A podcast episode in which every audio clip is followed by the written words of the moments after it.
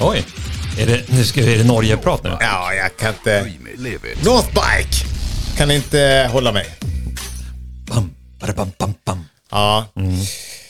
Jag, jag kände på en gång vill jag gå in och avbryta dig bara för att börja prata om det. Men jag, jag, ska hålla mig till tåls. Nej då, säg vad, vad vill du säga?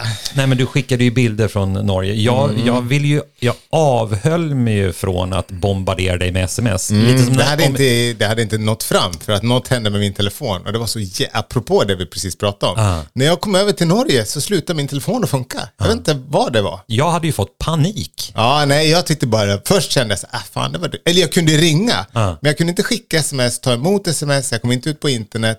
Så jag hade kunnat bombardera dig med sms Ja, utan att det hade, på, hade påverkat dig. Dessutom gick min kamera sönder, men jag kommer till det. Mm.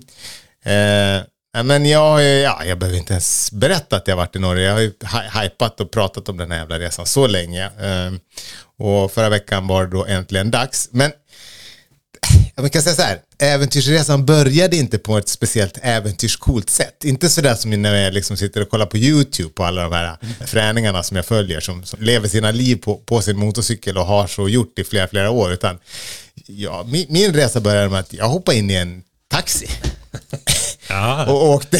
För Du hojen sa ju står... precis nej, jag åker inte vilket taxi. Nej, men precis. Jävla stockholmare. Ja, det var, jag kände mig som en jävla stockholmare. För jag, jag åkte då från min lägenhet. Hojen står i ett garage eh, nere i, på stan då. Så jag satt liksom I full, city. Ja, jag satt fullt påklädd med alla mina fräna adventurekläder. För jag, har jag har ju det värsta. Kände du att, eh, att du var bättre stassad än vad Martin var? Ja, ja, lite olika stil. Han, Ja. han kör ju lite mer sen 80-90-tals eh, stylen liksom. Ja. Men, men jag, har, jag, jag kände mig otroligt frän. Ja. Eh, men då sitter jag liksom i Du, det såg väldigt, väldigt bra ut. Ja, men då sitter jag liksom i baksätet på en Lexus med alla mina fräna kläder och på, på väg ner. Det kändes helt fel. Och jag var så jävla nervös. Jag var, mådde verkligen inget bra. Jag var inte uppspelt. Jag bara kände så här, nej fy fan, det var, det var eh, dagarna innan hade jag känt. Och egentligen, det, allting började med att jag fick upp ett felmeddelande på displayen på hojen. Det stod så här, immobilizer failure. Och jag bara, du vet, det är ju som när man får, man ska inte, om man har, tror sig ha en sjukdom, då ska man inte börja googla. Nej. Men när man får upp ett felmeddelande på displayen på hojen, då ska man inte heller börja googla.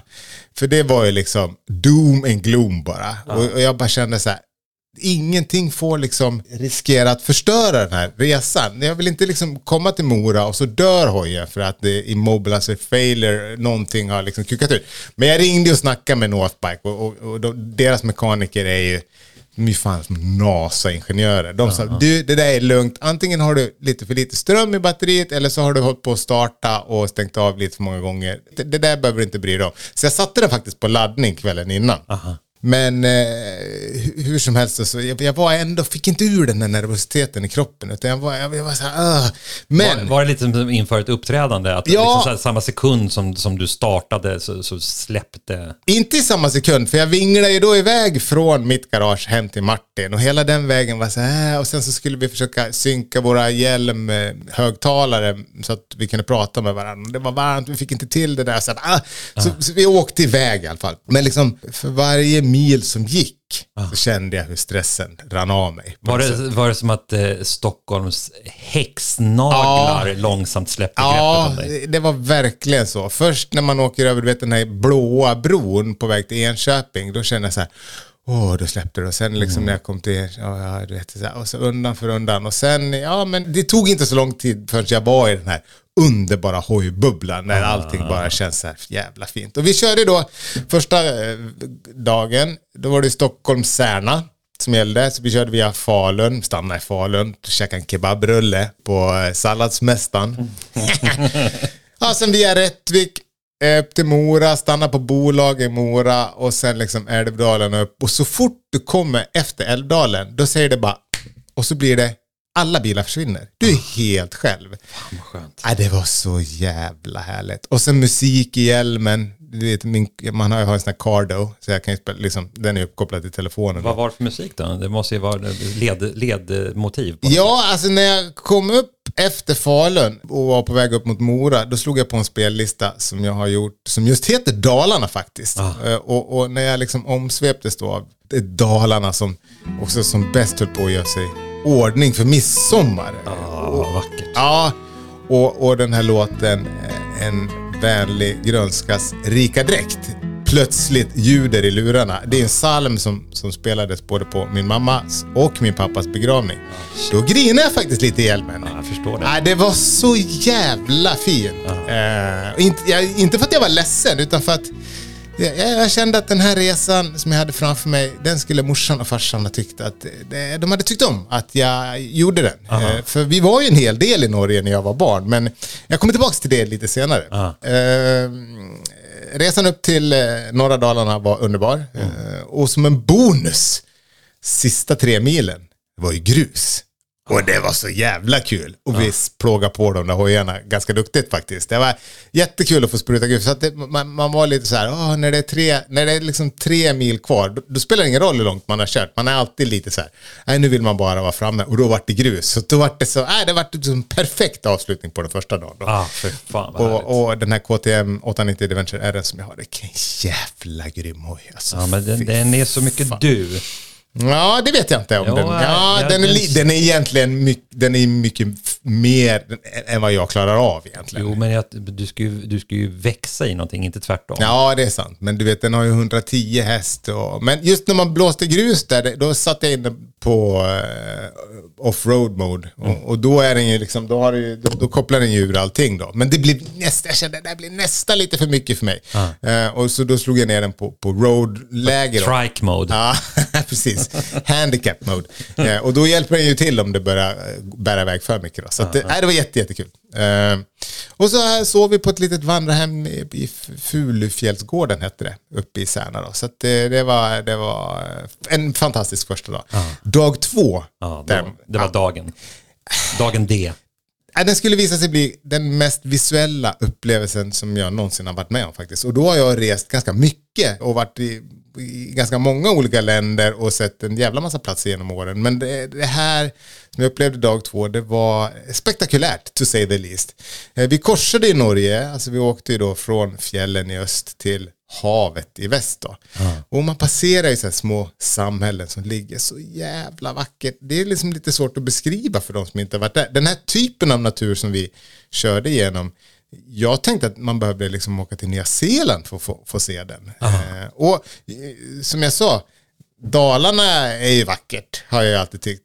Men det här var ju på en nivå som gjorde att man kände att liksom bergen runt Siljan, det var ju som en sopstation i Albanien nästan. Ah. Nej, inte ja. riktigt, men Har jag alltid tyckt.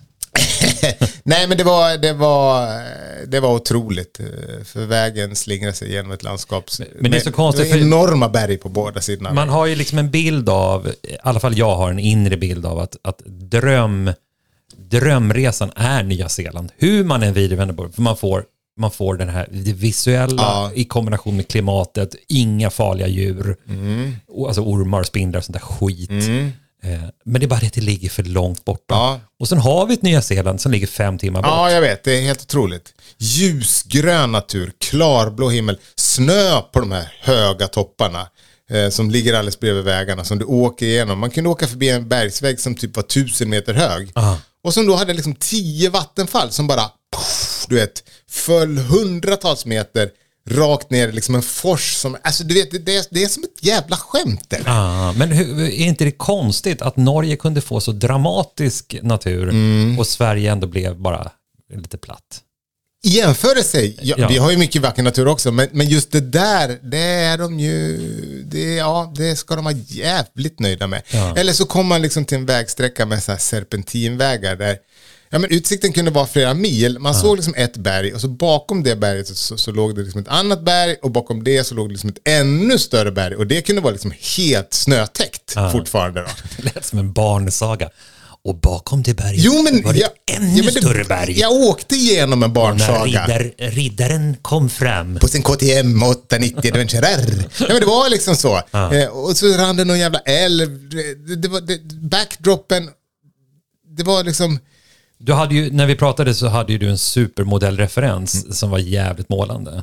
Ja, eh, precis. Det var lite som att man, eh, ja, men att man var 14 år Ja. och precis får reda på att det har flytt- flyttat in en supermodell i huset bredvid. Ja. Eh, Eller kanske ännu mer som att någon har byggt ett liksom, tivoli ett stenkast från där du bor. S- Så är det när man kommer till Norge. Det är, det är så nära, trots det så är det, man tänker inte på att, att den här supermodellen finns där. Nej, men exakt så.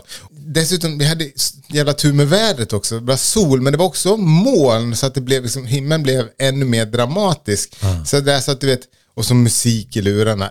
Det blev nästan som en lite religiös upplevelse för att du vet solen lyser igenom molnen så det blir såna här gudsstrålar. Ah, du vet såna här, ah. när kristna tar, eller såna här religiösa du Ja, vet. precis. Ja, sådana strålar. Eh, Det finns två typer av himlar som man gillar. Dels är det kristna strålhimlar Mm. och sen gillar man The Simpsons. Ni vet när det blir klarblå himmel med, med liksom vita fluffmoln just som skingras. Ja. Simpsonmoln. Nej men dag två, bokstavligen, det här hittade jag inte på. Jag åkte liksom och skakade på huvudet. För jag kunde inte fatta att det jag såg var sant. Det var liksom, det var, det var på den nivån. Man, man, jag, jag gissar att det är många som tänker, ah, vi drar en repa till Norge. Ju, alltså, bara av att höra det här. Ja. Jag är ju en av dem. Ja, ja, ja.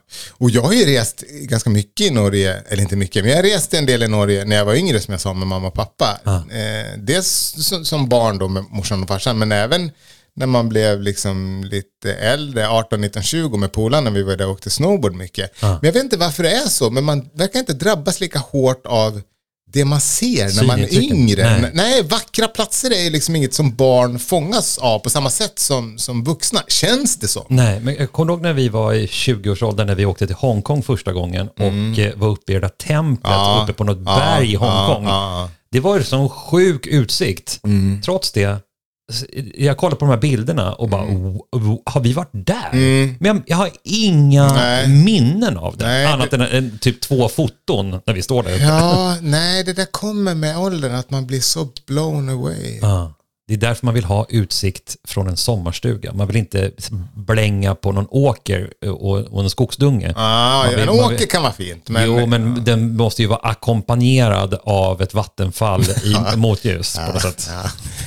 Eh, nej, men vi snackade om det. Vi hade ju planerat att nästa sommar skulle vi ta en resa ner i Europa, köra lite Polen och ner i Alperna och så här. Men eh, nej, det blir, det blir Norge nästa år igen för att eh, jag är fan inte klar med det landet. Så. Nej. Som jeepägare med taktält, Mm. är man inbjuden i era de här jävla töntiga resorna? Ja, men just de resorna... de- Nej, där har jag inget att göra. Nej.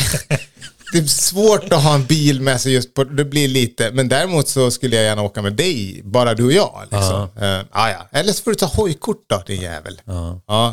Eh, det enda som sög med resan var att jag hade ju då köpt nya såna actionkameror som jag inte hade hunnit testa.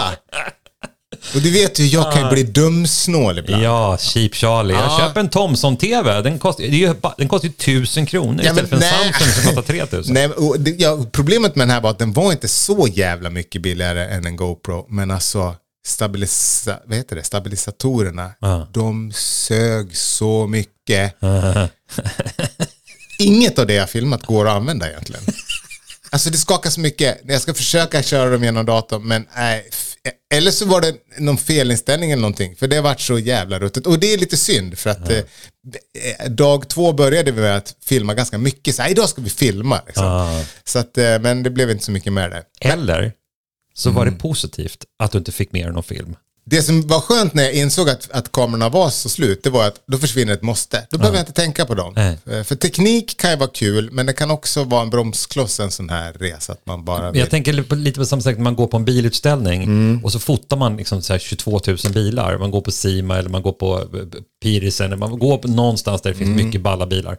Då går man och fotar och fotar och fotar utan att titta. Mm, exakt så. Och, och om man då bestämmer sig för att nu, idag ska vi filma, Ja. då tittar man på omgivningen, hur, man ska Ja. Mm. filma det och hur det ska bli så så snyggt ut i linsen. Men det kommer ju aldrig bli som det blir i verkligheten. Nej, framförallt Och då missar man det. Ja, för fram, precis. Man, åk, man dras ur situationen och då, blir det, då, då filmar man och inte njuter. Och eh, eftersom film är en ganska stor del av ditt och mitt liksom, yrke så blir det lite, det blir lite jobb liksom.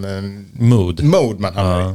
Eh, Men en grej som gjorde att det fortfarande är lite svårt att återskapa det man har sett, det är att man blev liksom bombarderad med nya vyer hela tiden. Ah. för när man liksom inte trodde att det kunde bli bättre, då körde man liksom runt en kurva och då var allting plötsligt tio gånger vackrare. Och så svänger man runt nästa kurva och då är det 20 gånger vackrare igen. Och, och så, så där kändes det som det höll på hela, hela dagen då. Men i och med att du ständigt är i rörelse och samtidigt också måste koncentrera dig på att köra hoj, så blir liksom tiden som man har att ta in varje liksom vy väldigt kort. Vilket gör att alla minnena flyter ihop på något sätt. För att hade man stannat och tittat då, man, man kan inte stanna, det är lite svårt liksom. Eh, för dels finns det inte speciellt mycket rastplatser eh, och sen har man ju ofta, ja det beror lite på, men eh, på vissa ställen har man bilar framför sig och bakom sådär. Liksom. Det är ju ändå en turist, eh, det är ett turistland liksom. Hur mycket svenska turister var det? Ja, Tyskar? nej, mycket tyskar såklart. Ja.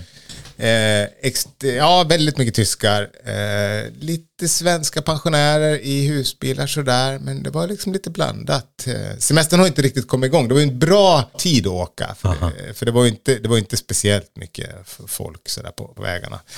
Eh, ah, ja, skitsamma. Vägarna är ju också så, alltså asfalt, är, de har ju pengar, norrmännen, att hålla efter sina vägar. Jävlar vad fint det är. Det är väl mycket petroleum i asfalt också. Ja, jag kan tänka mig det. Därför är den extra svart och fin Ja i men, Norge. ja, men staten och polisen har ju kuvat befolkningen när det kommer till hastigheter. Ja. Eh, och det spelar ingen roll för oss egentligen. Tvärtom, jag skulle gärna ha kört i 30. Men det är ju liksom 80 eh, som gäller i Norge. Eh, mer eller mindre, överallt. Ja. Eh, och det kan man ju tycka, det är ju inte en hastighet som man är van att ligga i. Och alla kör ju i 80. Det är ingen som kör för fort. Inte ens när man möter liksom de här ungdomarna i BMW, eller ungdomarna i, i, i Norge. Men är det inte så att fortkörningsböterna, nu pratar jag om saker jag inte har en aning Jo, om. de är galna. De är galna. Ja, det, är liksom, det är inte värt. Nej, det kan vara 20 lax liksom. Ja. Ja, nej, så, det, det är så att alla kör ju, och det är ju skönt när man kör. Man blir, jag tror jag blev omkörd, vi kanske blev omkörda två gånger på hela, på hela resan då. Mötte ju sjukt mycket adventure-hojar f- för övrigt. Förstår. Eh, jag tror jag mötte, av alla hojar vi mötte så var det liksom två som inte var det. Det var någon gul HD som jag minns och så var det någon, ja, lite sporthojar i någon stad och sådär. Och vad pratar vi då? 200 äventyrshojar och två Ja, men det var ju, det var ju. Ja, ja men typ. Eh, dag två då, det avslutade vi med att köra den här Atlanthavsvägen som alla som, du vet den här, det är nio kilometer lång turistväg som går mellan Vevang och K, du vet den här, som alla bilreklamer, den här bron som går över, en böjd bro som går över massa små öar så här. Jag vet inte hur många bilreklamer som har spelats in på, på den här Atlanthavsvägen då. Eh, och, och vägen då, den är som sagt byggd på små öar som är sammanlänkade med åtta broar totalt då. Och så är det, det är väldigt, väldigt snyggt då. Och 2005 så utnämndes just den här vägen till århundradets norska konstruktion. Och den har faktiskt legat högst upp på The Guardians lista över de fem bästa turistvägarna i världen faktiskt. Och den här, ja, Atlanthavsvägen, du kan ju googla. Det, den är ju då Norges näst mest besökta turistväg. Och för det första så var vi ganska trötta när vi kom dit. Vi hade suttit på hojen i typ tio timmar den dagen. Så man var så jävla... Ah, förlåt. Nu, eh, nu Du vet jag med. Nu ja. jag kollat på bilder. Ja. det är den här. Här har man sett många bilar som har åkt, eh, åkt i slow motion. Eller ja. Eh, ja, men, och- men när vi kom dit, vi hade ju kört hela dagen, så man var så jävla trött. Och en lärdom till nästa gång, det är att 52 mil som vi körde den dagen i Norge, det, det tar väldigt mycket längre tid än att köra 52 mil i Sverige. Det glömmer man ju lite bort när man planerade. Bra vägar, låg hastighet. Ja, precis. Eh, Och väldigt, väldigt, väldigt kurvigt ju. Eh, Så att det blir ju, man, man kör ju långsamt. Men den här Atlanthavsvägen då, den var väldigt fin, men den var ju också fylld av husbilar och nerlusad med turister, just i och med att den är så känd då. Så det bröts ju förtrollningen lite grann. Eh, Och det känns ju som att Norge har ju så otroligt mycket vackra platser att man nästan skulle kunna skita i de här klassiska turistmålen om man Det är så inte... roligt att man stör sig på eh, just det här, att det var så mycket turister där, när man själv är en del av problemet. Men man stör sig på de andra. Jo, jo, men jag kommer ju fräna grejer på en frän hoj och jag är inte en stor vit husbil. Blobba. Ja, det, men det är de här vita blobberna i, i det här vackra landskapet som... Varför är eh, en majoritet av alla ja. husbilar vita? Varför har de inte träsidor i plåt och bara skitsnygga? Liksom? Ah. Jag fattar inte det. Ah. Nej. Ja, men från början hade jag faktiskt inte lagt in den här Atlanthavsvägen i våra rutt, men så gjorde jag det i sista sekund och det hade jag kunnat strunta i känner jag. För att, eh, ja, Man hade lite overload i huvudet av alla intryck, så man orkade knappt ta in det när vi kom dit då, vid åtta på kvällen. Och eh, jag hade ju bokat ett hotell då. Eh, jag hittade ett jättefint hotell som hette Rödstedts gårdsövernattning som låg i Sylte då. Och vi hade ju liksom som sagt kört hela dagen. Men eh, när jag hade bokat det här rummet så kom, jag hade glömt bort det. Men det, det hann bli uthyrt innan jag bokade det. Jag skulle boka det men det hann bli uthyrt. Och jag hade, men det hade jag glömt bort så att i min GPS så ja. låg liksom den adressen kvar. Så det var dit vi åkte. Och eh, när vi kom dit, du vet man, man bara, man var så jävla, oh, man var så ont i arslet och bara, åh fy fan vad skönt att vara framme. Och man rullade upp där och det låg så jävla fint. Och så kom det ut någon stor rockabillybrud med rosa hår, norsk brud som, och det stod någon så här Ford LTD 60-talare längre ah, upp på gården. Det var skitfint och vi bara kände så här, yes, och fy fan vad nice, nu ska vi ha. Ah. hon bara så här, har ni bokat? Jag bara, ja, så här. Hon bara, nej men jag har ingen bokning. Jag bara, så här, jag bara kände jag fick panik liksom. Eh, alltså kollade i den här bookingsappen, för den funkade av någon jävla ja, konstig anledning. Eh, men då såg jag ju så här, nej, jag hade ju bokat in på Eide gästhus, för jag hade glömt bort att jag kollade in det här men det bli bokat, jag bokade in något nytt då. Mm. Men som tur var så låg det bara en kvart därifrån. Så vi bara, ah, okej, okay, ah, så, ah, vi, ah, vad tråkigt, vi får komma hit nästa gång. Så åkte vi dit. Mm. Och när vi kom dit, alltså det var typ så ruttet. Det låg ett, industri, ett industriområde, det såg ut som en, någon skola som var byggd på 80-talet. Och det var bara så här polska, och ingenting, jag har ingenting emot dem, men det var bara såna här gästarbetare som bodde där. Som satt liksom i lunchrum och rökte och det liksom luktade snusk och snus och gammal pirog. Och bara kände så här, men alltså efter den här dagen, den vackraste dagen i mitt liv, jag vi kan inte avsluta den på ett sånt lurtigt, ett sånt skithål rent ut sagt. För det liksom som låg ett industriområde. Så vi bara kände så här, nej, vi, vi vaskar den här hotellrummet och, och letar på ett nytt. Och, och då hittade vi något bed and breakfast som, som drevs av någon norsk kvinna som hade två maniska hundar. Så, och där var det väldigt fint. Så där, där slutade andra dagen då. Vi satt uppe till två på natten och bara hade det gött liksom. Ja, Ja, dag tre då. Eh, jag trodde inte att, dagen, att den dagen skulle liksom kunna leva upp till dagen innan. För, för naturen hade ju varit så jävla galen. Men det skulle otroligt nog visa sig att det kunde den visst det. För dag två, då var vi lite längre söderut. Och plötsligt så ändrades bergens karaktär lite grann. Och de blev väldigt stora och taggade. Så här sten bergsmassiv Aha. som låg liksom ännu närmare vägen. Alltså bergväggarna sköt upp precis bredvid där du körde. De kunde vara liksom över tusen meter. Aha. Och bara i sten liksom. Ja jävlar, det är Sagan om ringen liksom. Ja men precis, Trollväggen har du kanske hört talas om. Den körde vi förbi då. Aha. Det är ju Europas högsta lodräta bergvägg. Den är ju 1700 meter.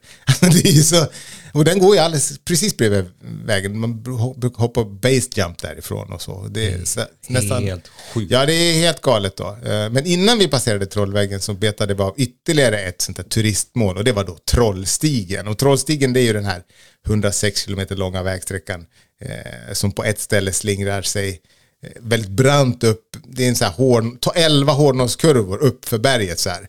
Eh, och det är väl den sträckan som alla tänker på om du, om du googlar Trollstigen. Ja, de gillar troll i Norge. Ja, det är, de älskar troll. Mm. Ja, och det var ju brant som fan att köra upp där.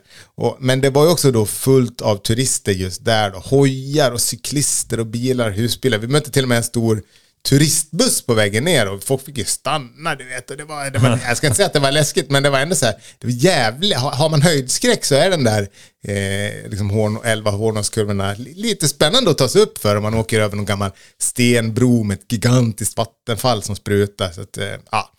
Eh, det var... Eh, det Magi. Var, nej, det var, nej, det var fint, men det var lite, det var lite för mycket turistjippo skulle jag säga. Men Trollstigen är ändå så pass spektakulärt att jag ändå kände att det var kul att, att ha kört den då.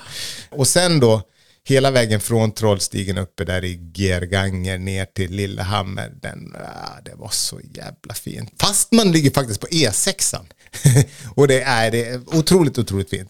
Eh. Ska man köra, om man ska köra de här sträckorna, mm. om du fick välja mellan en DeLorean eller en Jeep med taktält? Ja, För, för, googlar man bilder på Atlanthavsvägen eller Trollstigen och allting så här, Nej, det är jätteenkelt. då är det ju så här Ford GT40 och Porschar Ja, och sånt där. ja, ja. Nej, det är jätteenkelt. Eh, vad sa du? DeLorean och Ja, men, den du har här ute? ja, ja, ja, precis. Jag Nej, men här- den, kabba av den. Ja, men- Utan tak, så du kan se upp. För bergen är så hög, högt så du vill kunna titta. Man vill åka cab alltså. Ja, man vill åka cab. Det vill man definitivt göra. Ja, bra. Eh, I Lillehammer då, där hade vi bokat en, en liten hytte. Det gillar de norrmännen. Ja, Lillehammers turistcenter kan jag varmt rekommendera. Eh, Gigantisk fin lyxig camping. Men innan vi åkte, ja, vi, kom till Lillehammer, men innan vi åkte till campingen så, så åkte vi in och käkade på en kinesrestaurang. Då. Alltså, norrmännen är ju kända för att vara värdelösa på att laga mat. Ah. De äter väl mackor hela tiden? Ja, och de äter mackor, men även själva när de lagar mat, de är inte duktiga på att laga mat. Nej, det är, inget, det, är inget, det är inget gastronomiskt mat. Nej, sitter jag här och säger. Men det är lite så jag kände. Eh, åt någon hamburgare på, på någon liksom sunk vägkrog. Skitäckligt, men det blir ju fantastiskt gott ändå. Men det jag tänker är att åker man i Österrike eller Schweiz eller någonting sånt där, eller Tyskland också för den delen, i tyska alperna, Mm. så kommer man in i sådana små hå- hålor, motsvarande då Lillehamn, eller Lillehamn kanske inte inte någon håla, men du vet man kommer in i mindre städer. Ja. Då ligger det liksom ett litet gasthouse eh, och, och någon restaurang som har legat där sedan 1623 Mm. som verkligen känns som att det är Tengil som har drivit, eller kanske någon god Tengil då, jag, Mm. är så dålig på alltså, men eh, och så har de en wienerschnitzel som är den bästa du någonsin har ätit i hela ditt liv.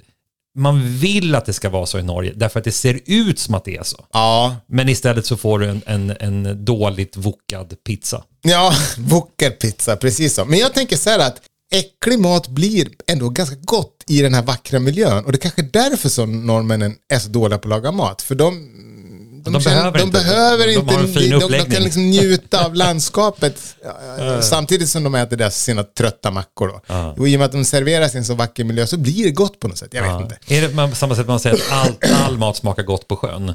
Ja, men så, jag tänker att det Man är... är distraherad av någonting annat. Ja. Ja. Gungar och att man håller på att gå under. Då, så här, fan, det här var min sista måltid, den var jättegod. Ja, ja. ja, men hur som helst då, eh, efter vi hade varit på den här kinesen då, då åkte vi till vår stuga och så satt vi då med det var liksom utsikt över en dalgång med vatten och ett grönt berg på andra sidan och så snack, satt vi där och rökte och drack och, och klockan blev väl två på natten eh, innan vi gick och la oss. Otroligt härligt. Då. Och dagen på då, då var det återigen dags att åka tillbaka till fula Dalarna igen. Nej, jag skojar. Vi körde via Lillehammer till Ma- Malung, skulle vi köra den dagen. Malung är ju en håla. Malung är en riktig håla. Eh, Jag tänkte på Peter Larsson när vi var där. Men en härlig håla. Och Dalarna som jag säger, precis runt midsommar, det är ju, även Malung blir otroligt vackert. Men ja, jämför man med Norge så, mm, mm, ja, mm. Eh, Ja, om, om Norge är en supermodell, då är Dalarna en, en people-modell. Det är snyggt, men de får inte kontrakt eh, att gå på någon catwalk ner i Milano. jag ska säga så här, det var som att Dalarna kände på sig att jag hade blivit förälskad i Norge. Ja. För när vi kom över, när vi kom över till Dalarna igen, då tog liksom Dalarna i allt vad de kunde för att liksom vinna tillbaks min kärlek. För de, då har de visste att om vi visar upp oss från vår absolut bästa sida, eh, då och det var det de gjorde. Ja, okej. Och liksom som jag sa då, när, när Sverige håller på att göra sig sommarfin inför midsommar och ligger liksom och badar i sol, då är det ju svårt att inte förföras. De kanske inte har de här bergen som, som Norge kan stoltsera med, men det som Dalarna har, som Norge inte har, det är avsaknaden av människor. För liksom, vi körde ju ner till Malung via Sälen. Och det kändes... Den ska man inte underskatta. Nej, för, för det kändes... Vi kunde köra en timme mellan mötena. Alltså det, det var det, det är inga, inga bilar där uppe. Man mötte någon äventyrshoj lite då och då. Men annars var man helt själv i flera timmar. Och det är ju otroligt för du kan stanna när du vill. Du kan köra vilken hastighet du vill. Du kan fan köra på fel sida vägen om du vill. Och bor man i Stockholm så är avsaknaden av människor. Det är ju en upplevelse som är minst lika befriande som en vacker norsk fjällvy nästan. Och körningen till Malung från Lillehammer, eh, den blev, det blev en underbar resa det med. Eh, det var ju dessutom inte så långt, det var typ bara 30 mil, så vi var ju framme ganska tidigt, vilket var skönt som omväxling då. En, en dum fråga nu Mm, från den här dumma stockholmaren. Men, men det finns ju ett gäng kommuner uppe i Dalarna. Mm. Är det stor skillnad på Älvdalen och Mora och Rättvik? Ja, det är ganska stor skillnad. Alltså, Är, är, är liksom, ju närmare Norge du kommer, blir det, blir det liksom så här, och nu har supermodellen dåligt face men bra ben? Alltså förstår att Älvdalen är lite bättre än, än Orsa. Nej, men de är så olika. Det går liksom inte riktigt att, att säga så. Liksom, det är som en brunett och en blondin eller rödhårig. De kan ju vara lika härliga allihopa fast på helt olika sätt. Förstår du? Vad är, vad, vad är den sämsta kommunen? Är det Vansbro? Borlänge. Såklart du skulle säga det. Det är Ja. bara lort och smuts. Ja. Ja, eh, Ja, okej. I Malung hade vi hur som helst hyrt en, en liten stuga eh, på Malungs camping. Och vi hann ju ta det jävligt lugnt när vi kom fram, för vi kom ju dit ganska tidigt och vi käkade lunch och gick på bolaget. och sen så gick vi till stugan och, och chillade. Och vi hade ju varsitt rum där och, och efter fyra långa dagar på hojen från morgon till kväll då, så var det rätt skönt med en lite kortare dag. Och jag låg på sängen och på eftermiddagen och kollade lite Netflix och så middag. För när jag kom tillbaka till Sverige igen, då började mitt internet funka. Eh, och sen så käkade vi på någon pizzeria där och satt sen på verandan ute på, på vår stuga och snackade om resan och drack och rökte som två 80-talskampare. Eh, och så gick vi och la oss ganska tidigt för man kände ändå att man ville vara, man ville inte vara helt slut sista dagen när man skulle köra hemåt då. Eh, och det var nog tur det, för dagen därpå Eh, då vaknade vi ganska tidigt eh, och tog det ganska lugnt på morgonen och så packade vi. Vi kom väl iväg kanske vid 10-11 tiden och sånt där. Och vi hade haft tur med vädret hela resan egentligen, Norge. Där kommit liksom någon, någon liten skur sådär, bara 10 minuter. Eh, Unicorn-tårar. Ja, men precis. Så, det, så det hade varit, det var ju, för det, Norge kan ju vara jävligt regnigt. Det kan ju vara väldigt regnigt. Men, men vi hade, så var det inte för oss. Men eh, hur som helst då, när vi kom till eh, Sala, då kom det ett sånt här skyfall, vet du, bara öppnar upp sig. Eh, och blev jävligt blött och halt. Och så kom vi till Salarondellen när det hade slutat regna. Och kom jag in i rondellen så ser jag att det är så här eh, regnbågigt i vattnet. Ah, ja. Spill. Spill ja, någon jävla lastbil som har spillt diesel förmodligen. Liksom. Det brukar ju bli så att antingen tankas så blir det liksom diesel uppe på den här stora tanken eller att locket läcker lite grann. Sen när de svänger i rondellen brant, då rinner diesel av. Och alltså det var så jävla hat så jag bara kom, jag hinner ju bromsa ner men det är mitt i rondellen. Så du vet när jag ska ut ur rondellen så bara gasar jag lite, lite grann och hela baken det bara sticker ut. Du vet bara får kast på hojen. Shit. Och jag hade min super KTM, så, så datorn den bara hann ju reagera nästan fortare än jag gjorde. Så den slog ju av, så det var ingen fara. Alltså, det gick ju bra, men jag, det var liksom... Så kollade jag i Jag backspegeln. vill bara poängtera du sa nästan lika fort som jag. Nästan lika fort som jag. Ja. Nej, men jag hann, vi var typ lika snabba. Eh, men så kollar jag i backspegeln, för Martin låg bakom mig då. Och jag ser, han får ju också ett jävla kast. Och han har ju dessutom med, han har ju liksom nobblers, vad heter det, offroad-däck på sin hoj. Ah, Eh, mer än vad jag har. Visst är det inte det? Ja, precis. Eh, så han får ett jävla kast då. Och sen efteråt så bara känner jag, alltså det är som, som att jag är på en hockeyrink. Alltså det är glashalt, för jag har fått på däcken då. Alltså jag, jag, jag kan ligga i 20 och krypa fram. Jag bara, men fy fan vad alltså, För vi kommer fram till nästa rondell och då bara släpper det igen för att det är, det är så jävla halt. Men som tur är så, för vi stannar till vid vägen och bara, fan det här var inget roligt. Men då kan man, lite längre fram så går en grusväg in till vänster. Så vi kör in på den grusvägen och bara bränner på. Och får rent däcken då. Och sen efter det så var det lugnt då. För fick bort den där jävla dieseln. Så totalt blev vår resa 192 mil blev det när jag kollade på, på vår lilla GPS. När, när, Det är ganska långt. Ja, det är, det är en bra bit. Hur långt kommer man på 192 mil om man åker rakt söderut? Oj, det var en bra fråga. Men du kommer väl för fan ner till eh, Italien gissar jag. Jag ska kolla. Ja, det är som att åka lite söder om Paris. Lite Eh, söder om Paris ja. Mm. För att Paris är 186 mil. Ja, ja det, man kommer långt på... Sverige är långt. Ja, Sverige är sjukt långt. långt. Men eh, ja, så det var lite det om det, om eh, med vår fantastiska resa. Jag kan bara uppmana alla lyssnare, vare sig man åker hoj eller har en gammal bil eller bara en vanlig bil för, för den delen också. Åk till Norge för fan. Fy fasen vilket vackert land. Nu, nu kommer det kännas mycket bättre att få torsk, få pisk av dem i, i längdskidåkning och allting. För att jag känner ändå att ja, det där landet har, har vuxit på mig så fruktansvärt mycket. Älskar Norge. Ja. Jag jag har hyllat Norge mycket i den här podden. Ja, det vet jag inte om jag har. Yeah!